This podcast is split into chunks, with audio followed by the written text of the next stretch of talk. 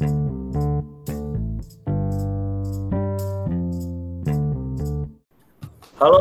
halo semua. Thank you udah balik lagi ke Late Night Shift. Kemarin kita udah dengerin banyak banget sih uh, dan sebelum-sebelumnya kemarin kita udah ngomongin soal ada yang nyanyi dan minggu lalu itu kita ngomongin soal koleksi mobil klasik sih, hobi untuk mobil klasik yang pada akhirnya dia bisa menjadi reviewer yang ber, bisa bareng dengan pembalap nasional waktu itu sama Riva Sungkar waktu itu dengan Ivan.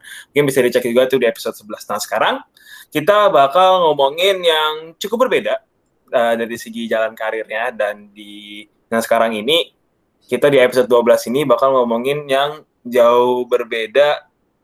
Gap, kita mau ngomongin apa nih hari ini, Gap?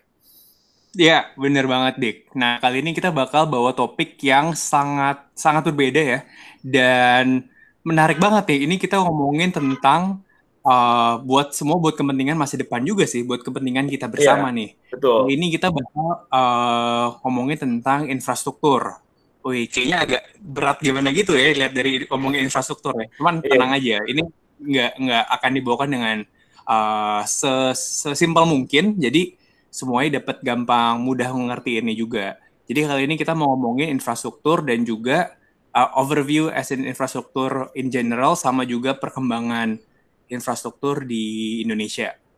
Nah, kali ini seperti biasa kita nggak cuma berdua aja, kita kedatangan tamu sangat spesial nih. Nah, kebetulan ini tamunya adalah teman kerja gue nih, teman kantor gue. Nah, mungkin uh, ada kita bareng sama Kak Hasya. Nah, Kak Hasya boleh memperkenalkan diri dulu? Halo, thanks for having me late night uh, shift. Uh, nama aku Hasya. Kayak yang Gaby bilang, uh, kita memang satu kantor ya, Gab ya. Cuma beda yeah. beda fokus aja gitu. Yeah. Nah, um, sama-sama financial consultant, um, tapi aku lebih fokus ke bidang infrastruktur. Secara umum sih gitu sih. Oke, okay, infrastruktur. Hmm. Ya benar sih, benar sih, Gab. Infrastruktur itu udah benar kelihatan serem banget kata-katanya. Ada tapi sebenarnya itu adalah ya prospek yang cerah juga sih buat orang-orang apalagi kan kayak yeah. saat ini kita berada di negara yang sedang mengembangkan infrastruktur ya jadi bisa dibilang ini sesuatu yeah. hal yang serius banget dan sangat penting itu satu sehari-hari itu. Nah, yang kita langsung aja kali ya mulai ke pertanyaan-pertanyaan pertama kita uh, Mungkin Kak Asya, sebenarnya kita pengen nanya-nanya sih, gimana sih ceritanya Kak Asya ini bisa ada di sini, bisa ada di konsultan sales seperti saat ini, terus mengambil ekspertis ini dan bekerja yang ngapain aja. Tapi sebelum detail itu, dari dari kami itu pengen nanya gitu, dari Kak Asya itu kenapa sih sebenarnya pengen ngambil bagian infrastruktur ini? Dan mungkin bisa diceritain sedikit dulu tuh uh, Kak Asya ini di bagian apa nih uh, kuliahnya, terus habis itu di jurusan apa maksudnya minimal jadi apakah ada korelasi nih antara dari jurusan waktu itu kuliah sampai pekerjaan saat ini gitu. Mungkin bisa diceritain kenapa sih masuk ke infrastructure project ini? Hmm, oke. Okay. Jadi kenapa di infrastruktur ya? Um, sebenarnya ada part kebetulan ada part suka juga gitu. Jadi infrastruktur tuh sebenarnya emang kedengarannya kan berat, tapi sebenarnya itu kan sangat relatable ya sama hidup kita sehari-hari gitu. Dan kita pasti pakai infrastruktur itu untuk uh, kita beraktivitas, terus juga um, apa namanya untuk mendukung lah mobilitas kita juga. Nah, project-project hmm. di infrastruktur itu kan lumayan menarik ya. Biasanya kan nilainya gede-gede banget gitu. Terus juga uh, proyek strategi nasional, um, sering juga kita baca di koran, kita lihat di TV. Kalau background aku sendiri sebenarnya pure di keuangan. Jadi hmm, S1-nya itu finance gitu. Nah, um, sebelum jadi uh, konsultan keuangan di bidang infrastruktur, aku itu kerjanya di banking sebenarnya awalnya. Hmm. Jadi um, corporate bankers gitulah ngasih pembiayaan ke uh, korporasi. Nah, bidang aku tuh di situ udah pemberian kreditnya itu udah ke konstruksi. Jadi emang udah lumayan relatable juga sih dengan um, si infrastruktur ini gitu. Tapi dari sisi yang membangun ya, bukan project ownernya, uh, kurang lebih kayak gitu sih. Jadi awal-awalnya. Oh, oke. Okay. Jadi ceritanya cukup unik ya. Maksudnya tidak langsung gitu ya ke bagian infrastruktur gitu. Enggak, enggak. Tapi emang udah mepet sih. udah berapa tahun kak di bagian infrastruktur ini?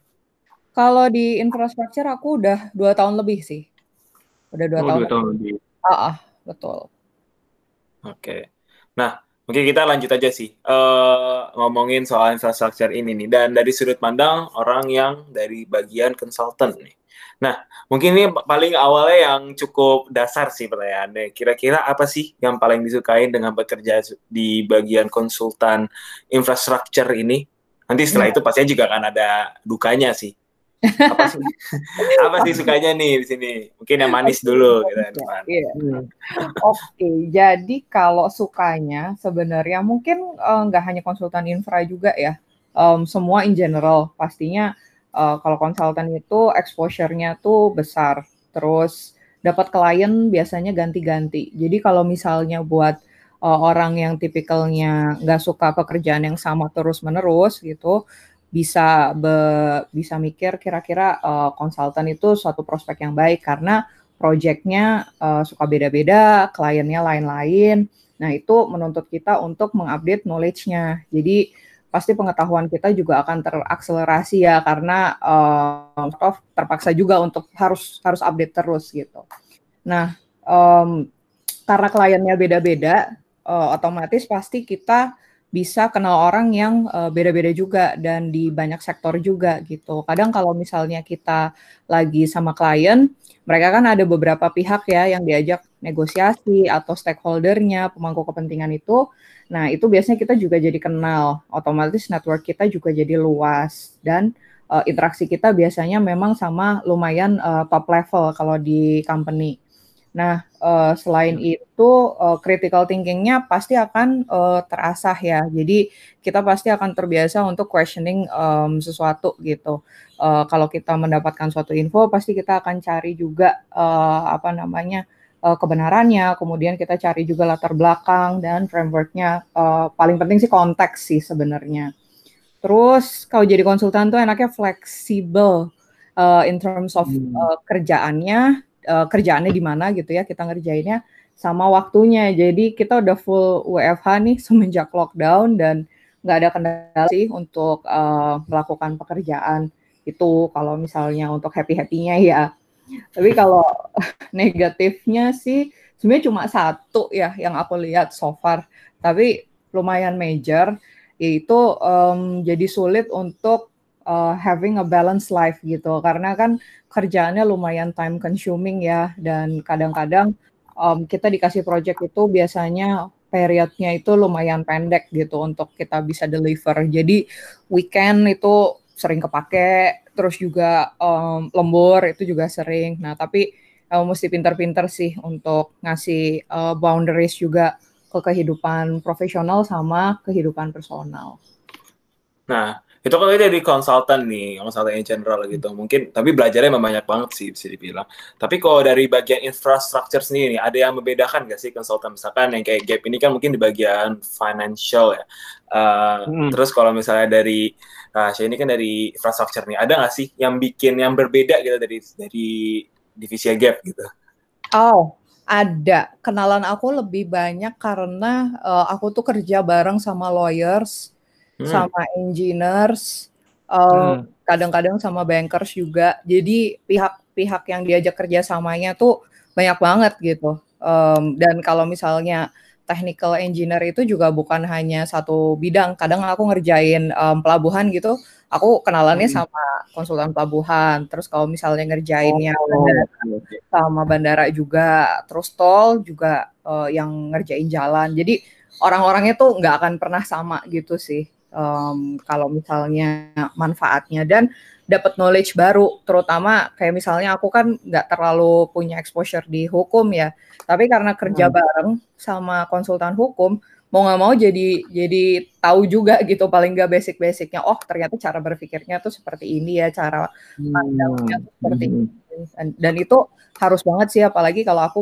buat um, kajian kelayakan gitu ya sebelum infrastrukturnya um, di di di konstruksi gitu ya di perencanaannya itu pasti sih intens banget sama sama mereka jadi benar-benar nggak bisa kerja sendiri gitu pasti harus ada pihak lain. Nah, itu sih yang lumayan membedakan sama yang pure consultant di uh, keuangan.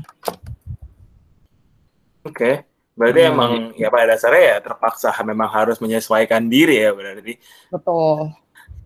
Walaupun ya bisa dibilang itu jadi hal yang pengalaman, jadi knowledge baru juga sih sebenarnya. Ya. Oke, okay. itu sih, itu, itu itu seru banget sih from my point of view. Uh, terus kayak Oke, lu lanjut. Mau bagian lu nih, lu mau nanya aja okay, yang lain-lain nggak? Oke, okay, nah tadi kita udah udah belajar bareng nih, udah dengerin gimana uh, manis pahitnya, terus perjalanan awalnya. Nah sekarang kita bakal ngomongin ke ini dulu deh. Mungkin sebelum kita lanjut ke topik utamanya, kayak favorit momennya atau momen yang bikin Kahasya apa ya merasakan apa ya puncaknya gitu selama jadi konsultan di uh, area infrastruktur ini uh, apa sih kak? Oh, kalau yang paling berkesan ya? Hmm, yang paling berkesan. Jadi hasil kerja dari tim itu pernah masuk dipakai di istana. Itu sih yang aku agak-agak shock kayak, oh sampai ke sana ya gitu hasilnya. Atau uh, kalau misalnya hasil kerja itu tuh masuk ke berita gitu. Kalau kalau uh, ini tuh dipakai gitu. Nah itu sih hmm. yang aku paling yang aku paling favorit momen. Setiap project hmm. itu bisa closing, terdeliver dengan baik, kliennya puas. Nah itu adalah momen-momen yang bahagia karena pasti rasanya kayak oh worth it nih uh, waktu yang kita pakai kemarin gitu kerja keras kita, kliennya happy, terus mereka merasa ada value added, terbantu itu yeah itu udah itu udah sangat-sangat apa namanya membahagiakan sih kalau kalau buat aku ya sesimpel pekerjaan selesai aja gitu. Hmm, ya ya ya ya. Ya, setuju sih setuju. Jadi kalau kliennya puas, kerjaannya semuanya lancar, uh, jadi pasti semuanya happy ya. Dan itu iya. ada kepuasan yang pasti nggak ternilai itu harganya. Mm -mm, karena. Kalau konsultan tuh kan sebenarnya kita tuh uh, eksternal parties ya. Um, at the end of the day yang me, yang melakukan implementasi itu kan tetap aja kliennya gitu. Kalau mereka hmm. misalnya nggak buy in sama solusi yang kita tawarkan, terus nggak mengimplementasikan gitu, rekomendasi solusi dari kita kan juga percuma gitu kan. Jadi hmm. kalau misalnya dipakai tuh seneng sih. Hmm, iya iya iya, ya. benar benar benar benar. Oke, okay. Nah menarik banget tuh. Sekarang kita lanjut ke uh, main idenya ya atau uh, topik utama dari uh, episode kali ini. Nah, kita sekarang bakal ngomongin uh, overview dari current infrastruktur di Indonesia atau dari apa ya uh, posisi terakhir dari infrastruktur di Indonesia ini dari pandangan Kasya ini seperti apa sih? Nah, jadi kemarin itu baru aja Kementerian Keuangan uh, mempublish ya uh, eh, RAPBN tahun 2021. Jadi rencana anggarannya itu seperti apa Indonesia.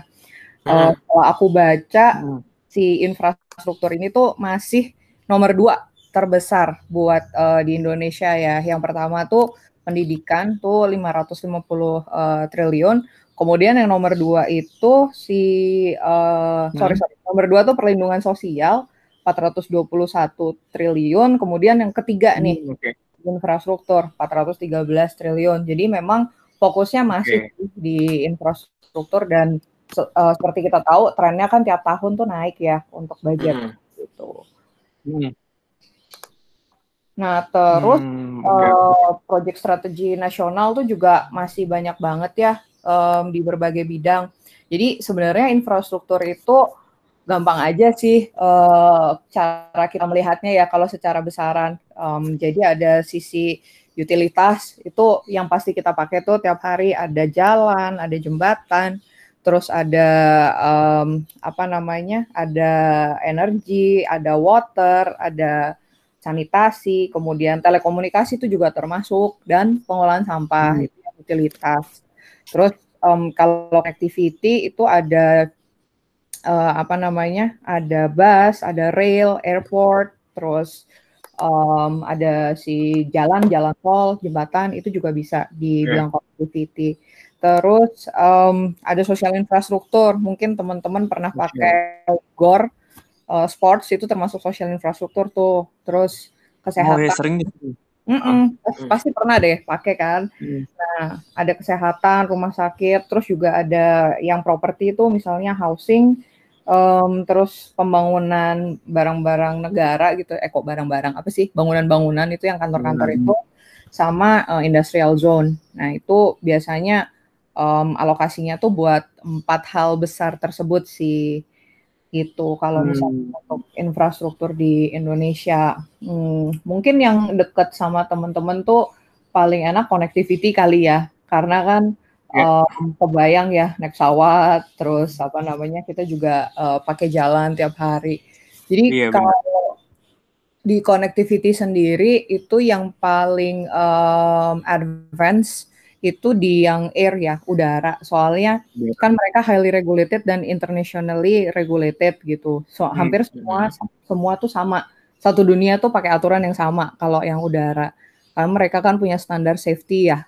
Uh, safety yeah. and security yang tinggi. Nah, -hmm. itu juga terkena impact banget lah COVID ini seperti yang teman-teman tahu kan airlines tuh bahkan sebelum ini kan juga udah suffer ya. Ya uh, udah struggling betul hmm. udah udah turun gitu terutama setelah ada um, ada Trans Jawa ada macam-macam itu kan untuk dari sisi penumpang nah itu pasti mereka butuh waktu lumayan lama sih buat uh, recover ya uh, karena COVID ini dan itu juga pasti kan berimpact juga ke bandaranya, terus juga berimpact kepada retail yang ada di bandara tersebut gitu. Itu kalau udara. Kalau, um, laut biasanya sih kita mengasosiasikan sama logistik ya. hmm Jadi ke apa namanya, pengantaran barang gitu ya, kargo apa segala macam. Uh, nah kalau logistik itu kita memang masih ada beberapa kendala sih, uh, ada uh, inefficiency, um, di logistik kita gitu. Jadi membuat, um, barang itu nyampe ke kita tuh uh, lebih lama, terus juga ongkos untuk uh, mahal. mahal, betul kan itu kan sangat berimpact gitu. Itulah kalau misalnya logistik makanya pemerintah kan juga uh, membangun ya uh, pendulum Nusantara dulu namanya kalau sekarang tuh namanya tol laut gitu. Nah, hmm. itu kan juga juga menjadi concern dibangun. Terus juga kalau yang udara tadi di daerah Indonesia Timur tuh ada jembatan udara. Uh, itu hmm. termasuk juga Mm, bandara-bandara perintis gitu untuk daerah-daerah yang memang secara kontur uh, tanahnya itu kita susah lah kalau kita mau bangun jalan gitu. Emang lebih bisanya hmm. pakai udara gitu ya karena banyak pegunungan, hutan segala macam. Hmm. Kalau darat, kalau darat uh, nah ini yang paling familiar sama kita. Cuma darat itu kan banyak ya, termasuk di dalamnya ada perkereta apian gitu. Terus yeah. ada juga ada juga bus. Nah, kalau isu di yang darat sih pasti biasanya tentang integrasi ya uh, dan congestion, um, kemacetan gitu, kepadatan. Kalau hmm. di darat sih biasanya isunya masih masih itu sih so far gitu. Hmm, oke okay, oke okay, oke. Okay. Menarik menarik menarik. Oke. Okay. Nah, sekarang kita lanjut ke yang ke poin kedua nih. Ini sebenarnya uh, mungkin poin yang paling menarik ya buat gue pribadi uh. nih itu tentang ibu kota baru nih wacana dari ibu kota baru sebenarnya mungkin udah bukan wacana sih karena kemarin desain tahap satunya tuh kan udah kalau nggak salah udah di approve ya udah terpilih kan kan dia kayak dibuka ke publik itu kan kayak semacam open tender oh, gitu iya, iya betul ada lomba desain ya Iya, ada ya. lomba desainnya. Iya, iya, iya, ya. Kalau nggak salah udah udah ditunjuk sih ada yang menang. Uh, setahu aku betul-betul. Jadi hmm kalau sekarang tapi masih belum tahu ya kita masih wait and see karena ya itu anggarannya banyak kepake buat si mengatasi COVID, COVID ini kan. Hmm, apalagi kita kan ada yang uh, pemulihan ekonomi segala macam gitu. Kalau misalnya untuk recently sih diketok maju apa enggak tuh kayaknya masih dalam pembahasan sih setahu aku ya. Tapi hmm. kalau misalnya ditanya uh, tentang ibu kota baru gitu, nah Jakarta tuh kan emang padat ya dan yeah. padat banget gitu. Dan kayak yang kita tahu uh, pusat pemerintahan dan administratif di Jakarta, pusat uh, perdagangan juga di Jakarta. Jadi beban kotanya tuh berat gitu loh. Terus kita juga ada kalau teman-teman teknik tuh biasanya bilang ada penurunan permukaan tanah lah berapa senti Iya. tiap tahun gitu-gitu. Terus isu banjir um, kalau misalnya Kemacetan ya. Betul. Hmm. Jadi kayak misalnya ingat nggak sih awal tahun kan kita banjir besar ya yang sampai berapa hari tuh nggak ada Hmm, banjir hmm. Iya, sampai iya, iya. Iya, itu kan langsung lumpuh semua kan, aktivitas tuh Hmm. off gitu. Nah itu sih sebenarnya eh, kenapa perlu dipindahin gitu. Nah, Hmm. aku sendiri kebetulan pernah visit ke daerah eh, yang katanya calon eh, apa namanya Ibu kota. Calon ibu kota baru itu, tapi sebenarnya visit pribadi sih karena ada saudara di sana. Oh, oke, oke. tempatnya tuh emang oke sih. Jadi benar-benar apa namanya masih sepi ya. Terus eh, rata juga datarannya Em, dari Balikpapan tuh kayaknya juga nggak terlalu jauh dan dia bisa ditempuh juga dengan em, speedboat ya kalau aku nggak salah. Jadi aksesnya tuh nggak nggak terbatas, cuman harus jalan doang gitu. Tuh tempatnya besar sih emang emang gede banget dan sepi banget penduduknya banyak kan sih masih hutan. Mungkin kalau clearance juga nggak terlalu susah ya karena kan kalau infrastruktur itu alasan pertama tuh lahan sih pasti paling Lahan, iya. itu apa Iya. namanya urusan lahan gitu pembebasan lahannya ya mungkin itu juga sih eh, kenapa dipertimbangkan ke sana tapi Hmm. emang mahal banget sih pastinya kan pertanyaannya kayak mau bangunnya duitnya dari mana gitu Oh ya, kalau misalnya bangun mah bangun apa aja yang general pasti mahal kan. Tapi sebenarnya oke, tadi kan dari Kasya sedikit menjelaskan bahwa mungkin dari sedikit visibility-nya itu adalah lumayan bagus lah ya. Maksudnya ada beberapa aspek seperti ya kotanya ini mungkin bisa karena ini masih sepi, ya ada potensialnya. Tapi dari segi eh, keterjangkauan berarti oke juga berarti ya. Tapi tadi harus pakai speedboat gitu, itu bukannya repot ya kalau kayak gitu ya? Oh, enggak enggak. I mean ada dua ada dua cara. Jadi kalau misalnya jalannya itu doesn't work, misalnya ke sana kamu ada halangan gitu, itu masih bisa pakai speedboat. Oh. Ada ada dua ada dua alternatif lah, nggak hanya dari satu arah aja gitu. Tadi kan aku motretnya dari sisi dari Balikpapan, tapi itu bisa diakses dari beberapa kota lain sih, tahu aku di situ. Dan juga bisa pakai eh, apa namanya dari sisi eh, ke sananya bisa dari air juga gitu. Jadi alternatif alternatifnya untuk ke tempat tersebut tuh banyak. Hmm. Oke. Tapi walau boleh, ini cukup penasaran sih, karena dari saya pribadi cukup ini ya eh, tertarik sama topik ini. Dan menurut Kak Asya itu sendiri, Hmm. eh, apa sih benefitnya nih buat negara kita nih? Atau misalkan kita sebagai yang kita, let's say kita sekarang udah bekerja gitu di ibu kota saat ini.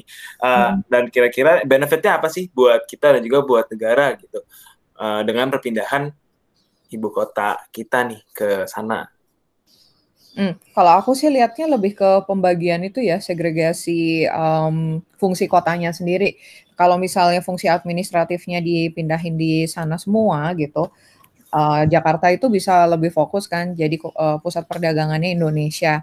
Terus juga eh, kalau aku sih lebih lihatnya ke eh, apa namanya, kalau ada force major sih, kalau ada force major nggak nggak si Indonesia ini nggak shutdown gitu loh, cuman gara-gara satu kotanya itu terjadi uh, force major kayak banjir kemarin gitu. Jadi masih bisa di backup lah di sana. Tapi kalau misalnya, sorry ini ada jadi pusatnya berbeda itu bukan itu jadi memperlambat memperlambat administratif in general gitu sebenarnya. Nah, kalau awal-awal sih transisi pasti ada ya. Aku percaya transisi pasti ada. Kalau aku nggak salah, pemindahannya sendiri itu juga nggak langsung semua kementerian sih. Jadi ada kementerian-kementerian uh, tertentu dulu. Nah, kalau aku nggak salah, fungsi-fungsi keuangan itu masih yang terakhir deh. If I'm not mistaken ya. Jadi yang pindah tuh mungkin yang fungsi administratif dulu, yang benar-benar pure administratif, pindah ke sana. Itu pun masih sangat dilihat gitu, apakah perpindahannya permanen atau mau seperti apa nih gitu perpindahannya. Itu masih dikaji terus sih kalau menurut aku. Jadi tatarannya tuh masih tataran uh, perencanaan banget ya. Dan juga isunya tuh adalah gedung yang sudah tadinya di tempat itu mau diapain gitu. Nah itu juga sempat jadi isu sih. Apakah nanti Hmm, iya, iya, benar. akan buat apa, terus uh, aset itu harus di recycle-nya seperti apa gitu. Itu juga itu juga menjadi isu. Jadi yang dipindah yang dipindah itu apakah level levelnya yang mana itu juga masih di masih dikaji sih bertahap tapi yang jelas. Hmm, ya ya ya, benar sih. Mungkin sekalian nambahin juga sebet, sebet, sebelumnya uh, gue juga udah pernah tuh ke Kutai Kartanegara. Kan ada dua oh, ya, iya. iya. dua, iya, dua iya. daerah kan, Tanajam Pasar kalau nggak salah, sama Kutai Kartanegara kan. Mm -hmm. Nah, yang Kutai itu emang uh, waktu itu kebetulan uh, gue dari Samarinda sih, terus jalan ke sana lewat darat, lewat mobil. Dan emang kotanya bagus banget sih sejujurnya ya. Maksudnya tata kotanya ya, tata kotanya yeah. bagus. Terus dia buat uh, jadi di antara dari Samarinda itu kalau nggak salah dia nyebrangin jembatan, jembatannya itu juga bagus banget. Terus di Kutai Kartanegaranya ini uh, dari bangunan-bangunannya, infrastruktur jalannya, terus public areanya itu juga uh, bagus ya dan udah udah mendukung lah untuk untuk uh, dijadikan calon ibu kota baru ini. Gitu. Cuma mungkin benar sih dari concern dari Kahasya itu. Maksudnya pasti kan proses transisinya ini yang membutuh yang sangat kompleks dan butuh banyak banyak hal tuh dari segi uh, finansialnya terus dari uh, tenaga orang pindah yang mengerjakannya juga pasti kan nanti ada yang perlu disesuaikan kan Mm-mm. Jadi mindahin tuh nggak simply mindahin kan nanti mereka tinggalnya di mana tuh pasti juga di, dipikirkan. Nah yeah. untuk membangun uh, apa perumahannya, sarana pendukungnya itu kan juga masih masih apa ya masih butuh proses ya. Jadi pasti bertahap sih. Mungkin akan ditanya dulu yang volunteer, kemudian yang wajib pindah, fungsi-fungsinya dan bertahap kementerian apa dulu yang pindah, terus juga fungsinya misalnya level apa dulu yang pindah, terus nanti hmm. uh, yang lainnya akan mengikuti gitu sih. Pasti lama prosesnya tuh. Iya, iya. Lama, okay, lama okay. banget nih. Iya, clear, clear. Oke. Okay. Nah, sekarang kita lanjut aja nih ke poin berikutnya ya, atau ide berikutnya. Nah, kalau uh, sebenarnya kan kita udah ngeliat nih, tadi kita udah mengulas uh, outlook dari infrastruktur Indonesia seperti apa dan juga kita ngebahas tentang uh, ibu kota baru nih. Uh, kita tadi udah sempat menimbang pros and cons-nya, terus uh, kira-kira prosesnya seperti apa sih in general. Nah sekarang kita ngomongin ya kita dulu nih kita sebagai citizen, kira-kira hal apa sih yang bisa kita bantu untuk kontribusi dari uh, perihal infrastruktur di Indonesia ini sendiri, selain dari bayar pajak ya pastinya ya. Karena kan pajak pasti okay, tujuan utamanya untuk uh, ngebangun infrastruktur juga. Cuman selain itu mungkin ada hal lain nggak sih Kak yang bisa kita bantu untuk membantu ngembangin negara ini? Ada sih um, dijaga aja. itu simpel susah yeah, implementasinya ya kayaknya. Kayak kemarin tuh lihat depo busnya Transjakarta tuh, aduh ya ampun sampai yeah. dibakar kamar gitu kan, tuh sayang banget itu kan sebenarnya juga uangnya pemerintah daerah ya untuk membangun yeah. gitu ya akhirnya kan kita juga sebenarnya yang mengganti itu gitu. Padahal kan uangnya bisa dipakai buat perkembangan yang lain. Itu sesimpel kita menjaga aja sih. Kayak kalau kita naik MRT kan kita tertib ya, nggak makan, nggak minum di situ, hmm. nggak hmm. coret-coret. Itu tuh udah udah berkontribusi untuk pemeliharaan gitu. Terus nggak buang sampah sembarangan di jalan. Terus jalannya nanti mampet, uh, kena hmm. air, jalannya rusak. Kan sebenarnya sesimpel kita tidak melakukan perusakan aja sih. Kita ikut menjaga tuh udah udah lumayan banget loh untuk ngurang-ngurangin beban pemeliharaan dari infrastruktur. Sama aku mikir satu lagi yang kita bisa lakukan sebenarnya uh, beli instrumen pemerintah sih instrumen hutangnya pemerintah yang retail itu kayak ori. Itu bisa ori, juga ya. Hmm, itu kan uh, sebagian kan uh, kadang tujuannya dipakai buat pembangunan infrastruktur juga ya. Jadi pemerintah berhutangnya sama kita, bukan sama asing gitu, sama yeah, yeah. rakyatnya sendiri kan. Nah itu udah udah cukup membantu sih. Itu kalau kalau memang kita berkelebihan ya. Tapi yang paling simpel adalah uh, bantuin jaga aja gitu. Hmm. Sorry, bisa dijelasin mungkin nggak ke pendengar juga nih ori ini apa maksudnya? Oh, obligasi return. Ya. Oke. Okay. Jadi pemerintah itu uh, tiap tahun ya secara berkala mereka akan menerbitkan instrumen hutang, sifatnya hutang. Jadi hmm. kalau misalnya kita invest di situ, minimal kan satu juta tuh. Jadi kita taruh satu juta, terus nanti setiap bulan kita akan dapat kupon gitu. Jadi kayak deposito sih sebenarnya. Tapi hmm. um, apa ya? Lebih ke si bukan ke bank tapi ke pemerintah gitu dan cairnya itu sekitar tiga tahun biasanya ya kalau durasinya ori gitu. Kalau dia bilang dapat kupon uh, kayak sekarang tuh 5,7 persen ya kalau nggak salah. Nah nanti tiap bulan itu kita dapat cash flow tuh dapat bunga masuk dikurangin sama pajaknya gitu. Yeah. Itu untuk yeah. ori. Ya itu mungkin yeah. tips untuk berinvestasi juga. Iya bisa bisa. Oke, lanjut Gap. Menarik. Nah, sekarang ini mungkin poin terakhir sih.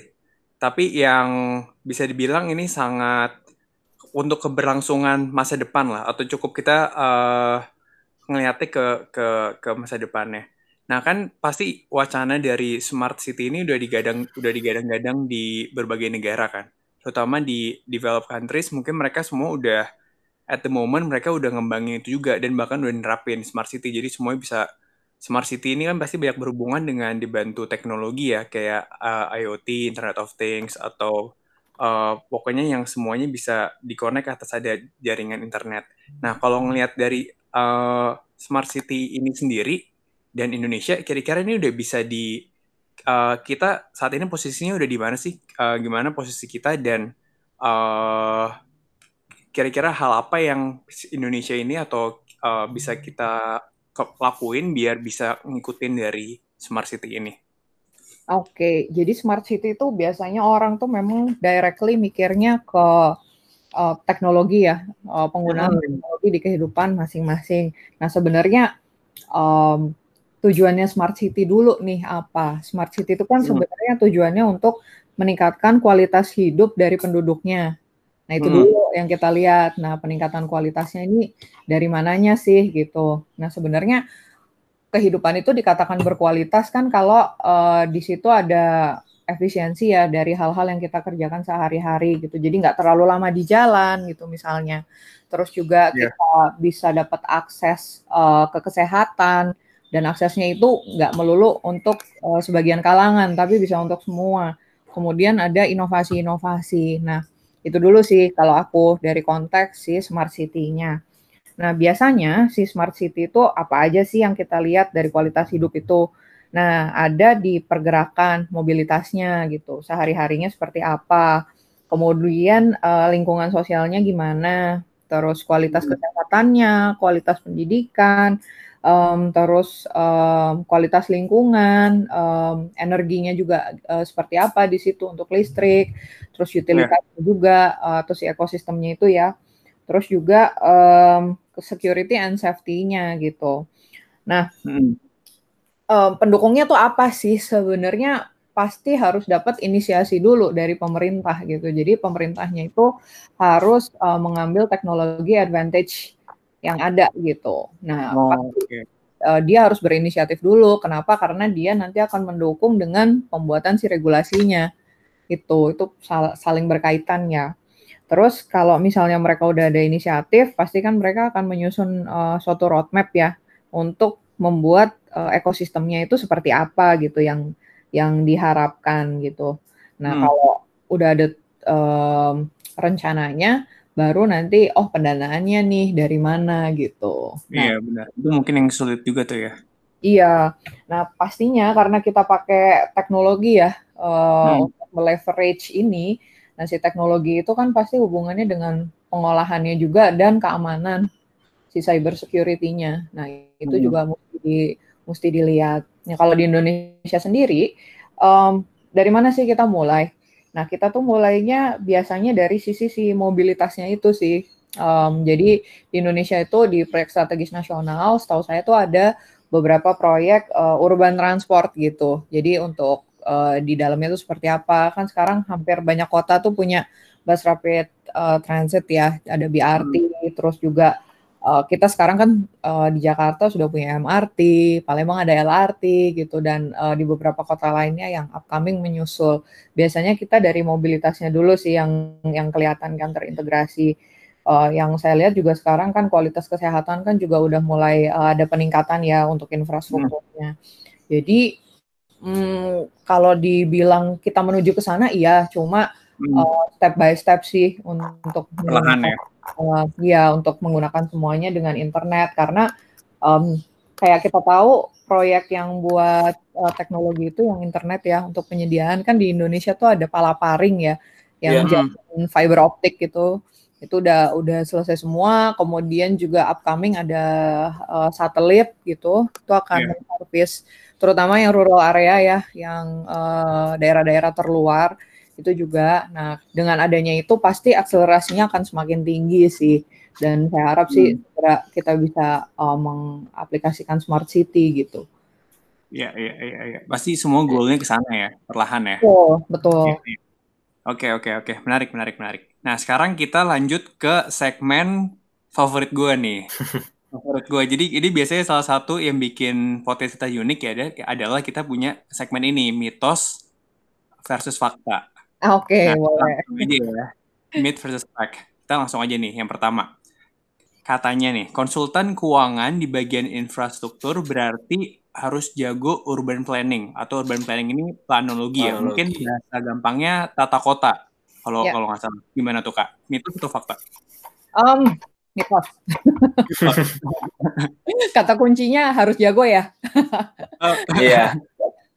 kalau basic sih sebenarnya lebih baik tahu ya kalau basic kayak misalnya hmm. um, contoh nih yang terms urban planning banget tuh transit oriented development gitu kan kadang mm-hmm. mungkin teman-teman lihat iklannya tuh ya apartemen berbasis TOD gitu iya itu kayaknya jualan-jualan baru-baru ini nih yang aku itu sebenarnya kan sesimpel oh kita membangun di antara uh, dalam radius berapa dari si public transportnya gitu nah kalau yang kayak hmm. gitu-gitu sih basic-basic sebaiknya sih tahu gitu tapi kalau sampai advance banget, kayaknya berat ya.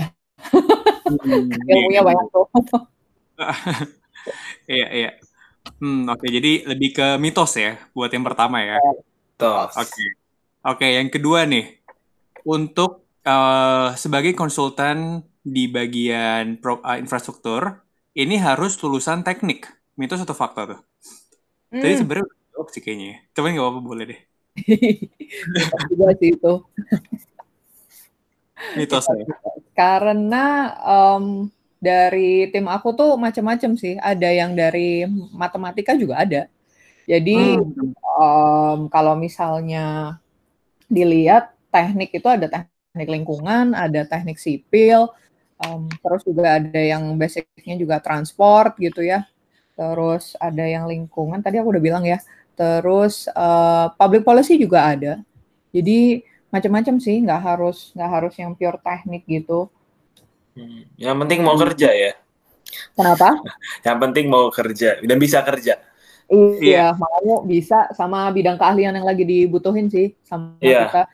Mm-mm. Karena mungkin bisa juga dijelaskan bahwa bagian infrastruktur ini kan pekerjaannya nggak muluk tentang planologi doang, tapi kan juga banyak uh, aspek-aspek lainnya gitu ya, iya. negosiasi, terus uh, analisa dan teman-temannya gitu. Betul, betul, betul, betul banget. Hmm. Oke, okay. menarik. Nah ini mungkin terakhir nih mitos atau mitos versus fakta yang terakhir. Nah uh, agak berat sedikit, cuman tenang aja, nggak nggak begitu ribet kok. Nah banyak yang bilang uh, salah satu yang bikin perkembangan infrastruktur di Indonesia ini cukup lambat dibanding negara lain itu adalah terlalu banyaknya atau terlalu ribetnya rules and regulations dari pemerintah. Nah, itu mitos atau fakta tuh, Kak? Nah, kalau ini lumayan mendekati fakta. Karena faktornya nggak hanya itu sih yang membuat kenapa investment di Indonesia itu nggak mulus gitu ya dibilang. Jadi banyak banyak faktor, tapi regulasi itu memang yang uh, major karena hmm. sebenarnya infrastruktur itu kan nggak hanya pemangku kepentingannya itu cuma satu ya, kayak misalnya kita mau bangun ini aja deh kalau misalnya kayak kamu mau bangun uh, kereta gitu itu kan hmm. dia jalurnya itu lewat mana misalnya lewat berapa kabupaten lewat berapa provinsi hmm. Itu tuh yeah. semua pemerintahnya itu terlibat gitu di situ baik pemerintah pusatnya sendiri si Kementerian Perhubungannya misalnya terus uh, swastanya gitu ya yang membangun terus juga pemerintah hmm. daerahnya kalau misalnya lewat jalan tol gitu ya, dia mesti ada melewati jalan tol, nanti kita mesti ke BPJT juga gitu, di bawahnya PUPR. Jadi benar-benar banyak banget yang harus dikaji gitu di di sisi regulasinya. Nah, yang kedua, hmm. lahan. Uh, Oke, okay, lahan. lahan tuh yang paling yang paling ribet ya, yang paling uh, dan lama. Selain ribet juga lama gitu, karena kan tanah tuh nggak cuma dipunyai satu orang gitu ya, pasti yang punya banyak yeah. juga kadang lewat di tempat masyarakat, aku pernah hmm. juga yang lewat tanah adat gitu, itu juga susah setengah mati. Iya benar-benar. Nah itu lahan. Terus yang terakhir hmm, mata uang.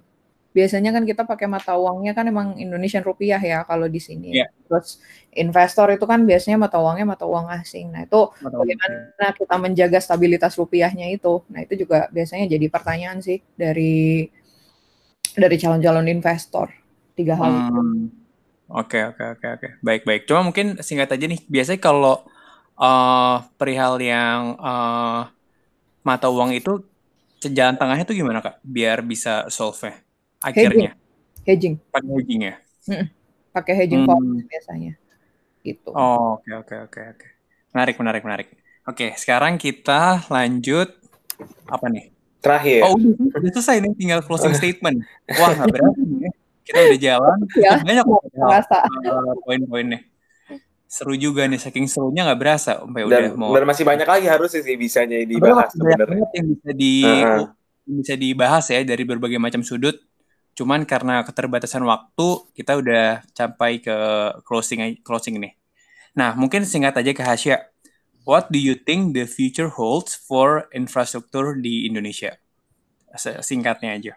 Hmm, potensinya masih gede sih yang jelas. Hmm. karena um, seperti yang kita tahu um, pembangunan infrastruktur itu kan memang belum merata ya di Indonesia mm -hmm. masih yeah. heavy ya di Pulau Jawa. Nah potensinya tuh masih banyak terutama di Indonesia Timur dan hmm. infrastrukturnya juga banyak macam ya banyak sektor. Jadi sebenarnya masih sangat masih sangat potensial sih untuk di Indonesia untuk market infrastrukturnya sendiri.